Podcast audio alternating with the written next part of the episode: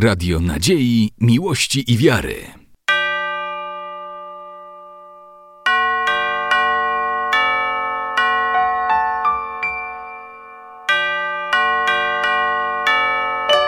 Radio Ortodoksja.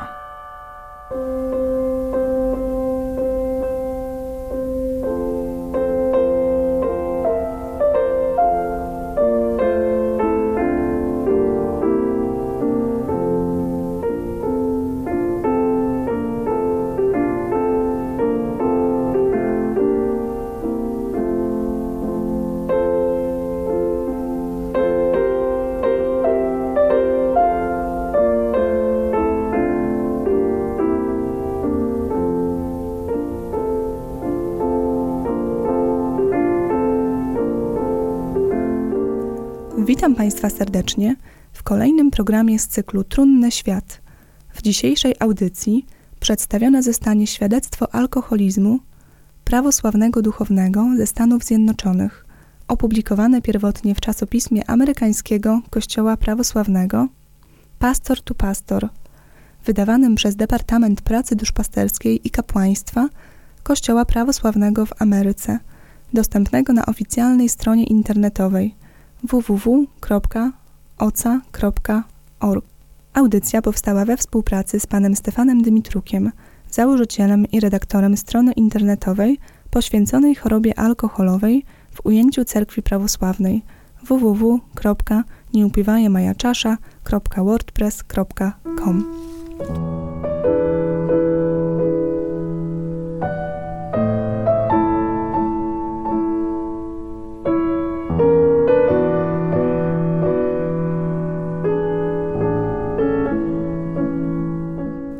księdzem w kościele prawosławnym w Ameryce. Kilka razy w tygodniu biorę udział w spotkaniach szczególnej organizacji. Tam identyfikuję się z jej tradycyjnym zdaniem. Nazywam się i jestem alkoholikiem. Program, w którym biorę udział, to anonimowi alkoholicy. Nazwa ta jest niewątpliwie znana wszystkim. Jednak z pewnością niewielu z Was wie dużo o samej organizacji i ich słynnych dwunastu krokach. Jeszcze kilka lat temu ja sam miałem na temat AA wiedzę dość pobieżną, zdobytą przez lata głównie poprzez kontakt z członkami AA. Jednak wiedziałem wystarczająco dużo, żeby darzyć szacunkiem pracę, którą AA wykonuje. Wiedziałem, że pomaga ludziom odzyskać kontrolę nad swoim życiem. Chciałbym opowiedzieć odrobinę o AA, aby podzielić się doświadczeniem, siłą i nadzieją, używając języka AA. Choć niektórzy mogą domyślić się, kim jestem, nie wyjawiam swojej tożsamości, częściowo dlatego, że to zasada członków AA, która oznacza, że każdy ma swój przywilej wyjawiania bądź nie, że jest alkoholikiem lub też członkiem grupy AA. Zasada anonimowości oznacza również, że cokolwiek powiem, nie może to być traktowane jako oficjalne stanowisko organizacji. AA nie ma swojego rzecznika oprócz wspólnej świadomości grupowej, wyrażanej na pewne szczególne sposoby. To, co tutaj usłyszycie, to moje własne obserwacje i opinie jako zdrowiejącego alkoholika, który wziął udział w programie. W 2005 roku anonimowi alkoholicy obchodzili jubileusz 70 lat istnienia. Ruch powstał w 1935 roku w Ohio pod wpływem rozmowy dwóch mężczyzn.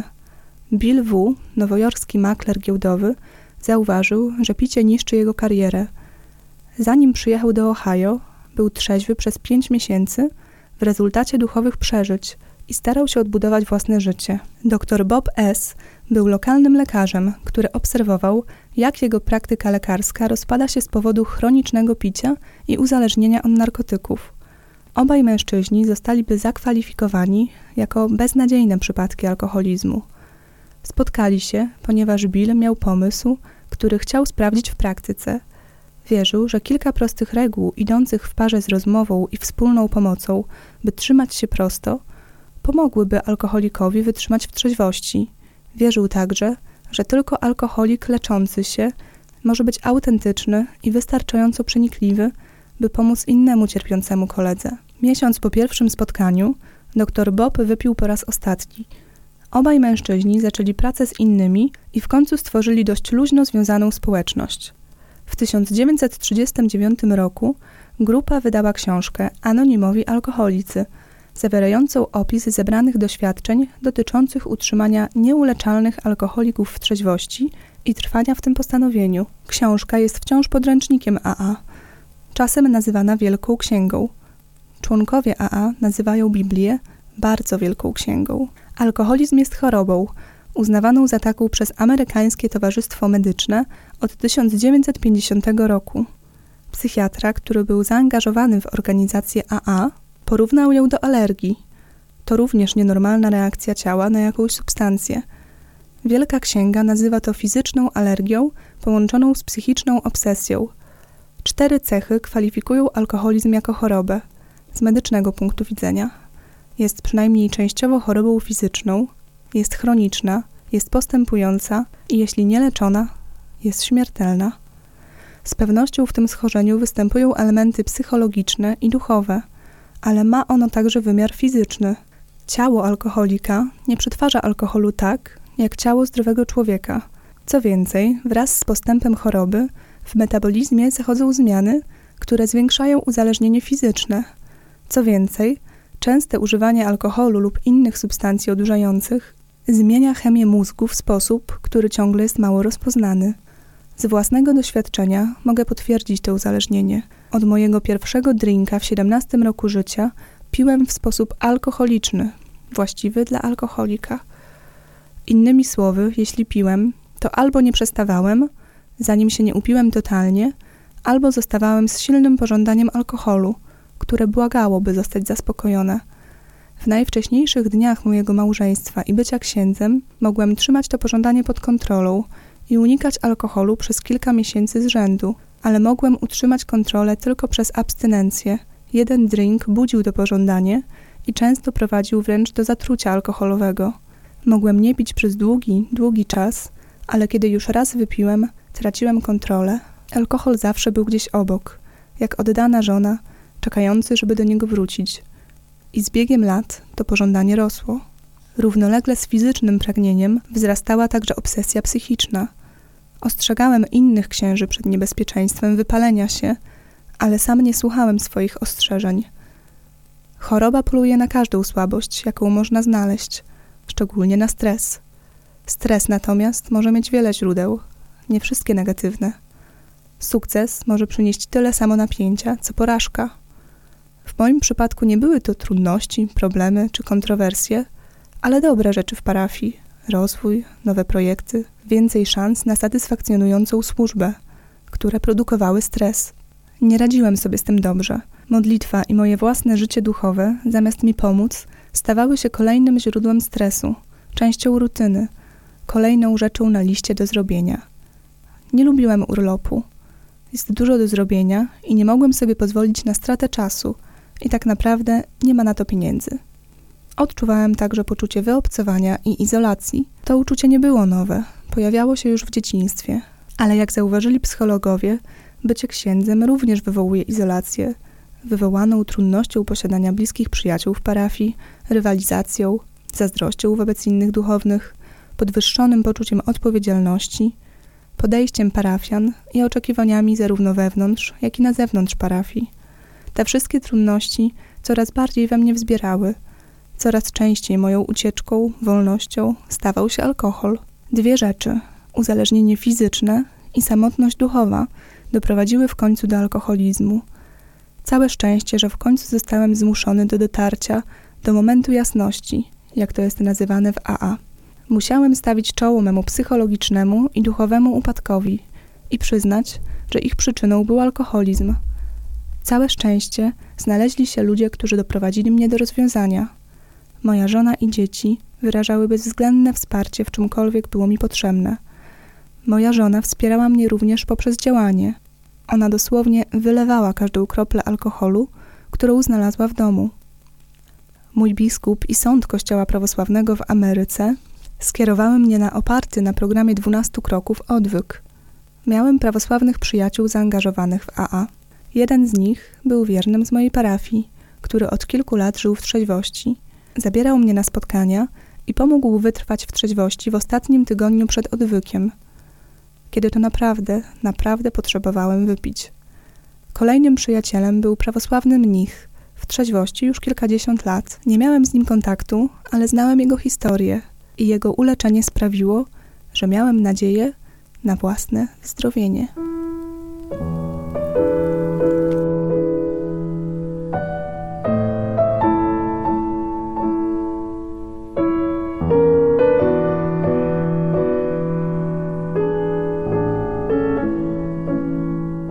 Moje wyleczenie było trudne fizycznie, psychicznie i duchowo.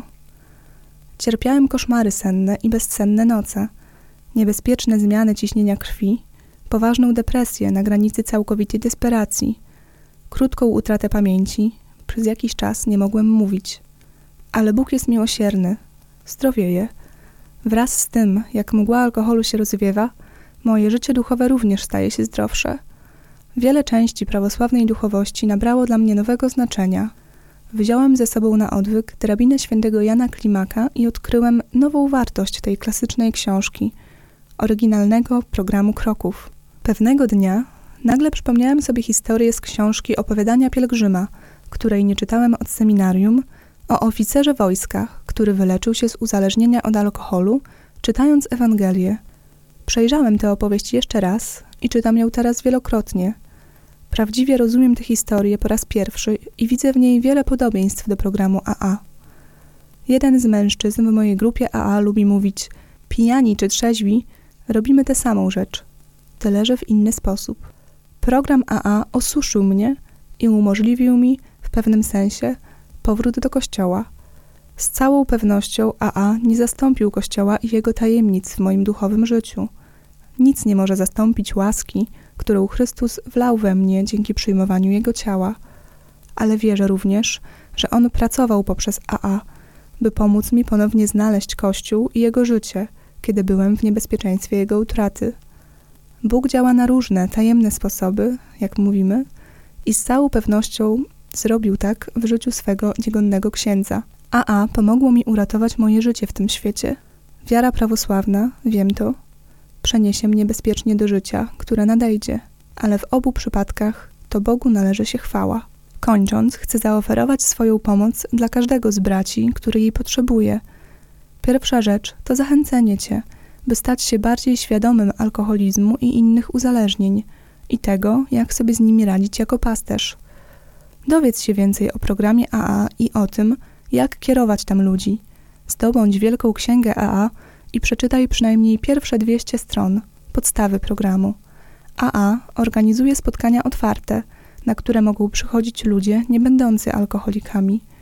Idź na kilka takich spotkań i zobacz, w jaki sposób ten program działa na Twoim obszarze. Jeśli masz parafianina, który jest częścią AA, wspieraj go jak tylko możesz, by trwał w tym programie i ściśle wypełniał jego zalecenia. Nalegaj, by on lub ona zdobyli opiekuna AA sam skontaktuj się z nim i wesprzyj go. Możesz także skontaktować się z lokalnym oddziałem Al-Anon. To organizacja założona przez Louis W., żonę współzałożyciela AA, by pomagać rodzinom alkoholików. Al-Anon da Ci wskazówki do walki z chorobą i zapewni Ci bezcenne źródło wiedzy w trakcie pomocy rodzinie w radzeniu sobie ze skutkami alkoholizmu. Rób wszystko z miłością. Niech Twoją wskazówką będzie werset 12-20 z Ewangelii Świętego Mateusza. Trzciny zgniecionej nie złamie, ani knota tlającego się nie dogasi, aż zwycięsko sąd przeprowadzi. Spróbuj nie robić wymówek i nie dręczyć tej osoby. Szczególnie nie odwołuj się do siły woli i nie oskarżaj o brak zaangażowania w byciu trzeźwym. Alkoholizm to choroba. Mówienie alkoholikowi, że mógłby przestać, gdyby tak naprawdę tego chciał, jest jak mówienie choremu na raka, Gdybyś chciał, powstrzymałbyś wzrost guza. Alkoholicy nie piją dlatego, że chcą, czy dlatego, że mają słabą wolę.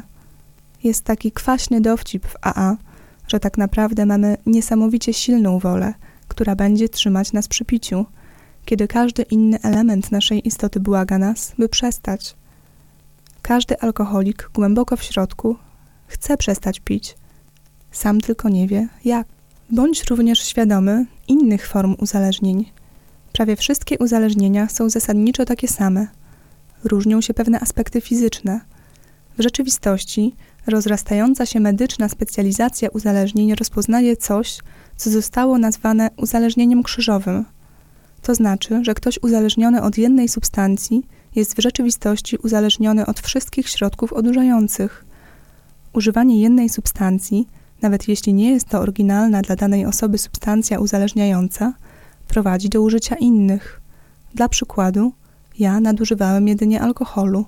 Jednak nie mogę teraz przyjmować żadnych uzależniających substancji czy leków, bo jestem krzyżowo uzależniony, również od nich. Jeżeli ich użyję, nawet pod kontrolą lekarza, wciągną mnie tak samo, jak wciągnął mnie alkohol. Będę musiał być traktowany, jakbym wrócił do używania alkoholu.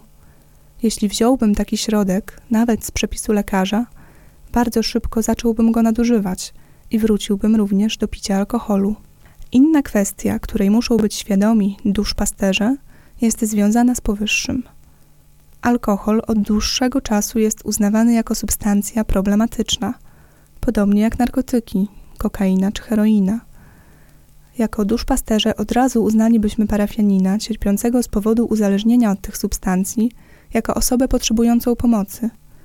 Jest jednak dodatkowe uzależnienie, równie poważne. Jest to nadużywanie leków na receptę.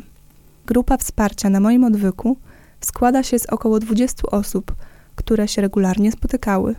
3-4 osoby były alkoholikami, 3-4 narkomanami, a reszta nadużywała leków przypisywanych przez lekarzy. Leki mogą uzależniać równie silnie jak alkohol czy kokaina, ale ani zagrożenie, które niosą, ani fakt, jak wiele osób jest od nich uzależnionych, nie są w rzeczywistości rozpoznane, ani uświadomione nawet przez lekarzy. Jest to jednak problem, którego musimy być świadomi jako księża, mężowie i ojcowie, a także sami, znający słabości ludzkiego ciała. To prowadzi mnie do podsumowania. Kluczem programu AA i Ewangelii jest zasada dzielenia się nowiną, zasada dwunastego kroku. Pomóc innemu stać się i pozostać trzeźwym jest najlepszym sposobem dla mnie, by potwierdzić moją ciągłą trzeźwość. Podaję adres e-mailowy, pod którym można się ze mną skontaktować. recoveringpriest@yahoo.com. Jeśli masz parafianina, który ma problem z alkoholem lub inną substancją i potrzebujesz pomocy w poradzeniu sobie z tym problemem, proszę napisz do mnie. Jeśli w Twojej rodzinie jest ktoś, kto może mieć problem, skontaktuj się ze mną, ale szczególnie jeśli sam możesz mieć problem z alkoholem lub inną substancją, proszę napisz do mnie. Będę traktował wszystkie wiadomości z dyskrecją, właściwą tajemnicy spowiedzi. I pamiętaj, ja również przez to przeszedłem.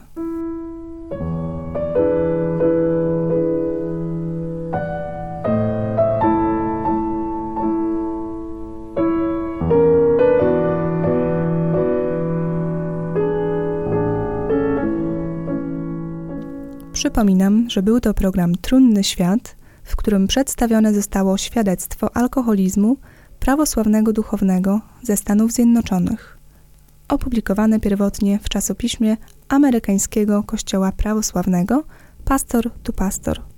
Audycja powstała we współpracy z panem Stefanem Dmitrukiem, założycielem i redaktorem strony internetowej poświęconej chorobie alkoholowej w ujęciu cerkwi prawosławnej www.nieupijajemajaczasza.wordpress.com Bardzo serdecznie dziękuję Państwu za uwagę. Do usłyszenia w kolejnym programie.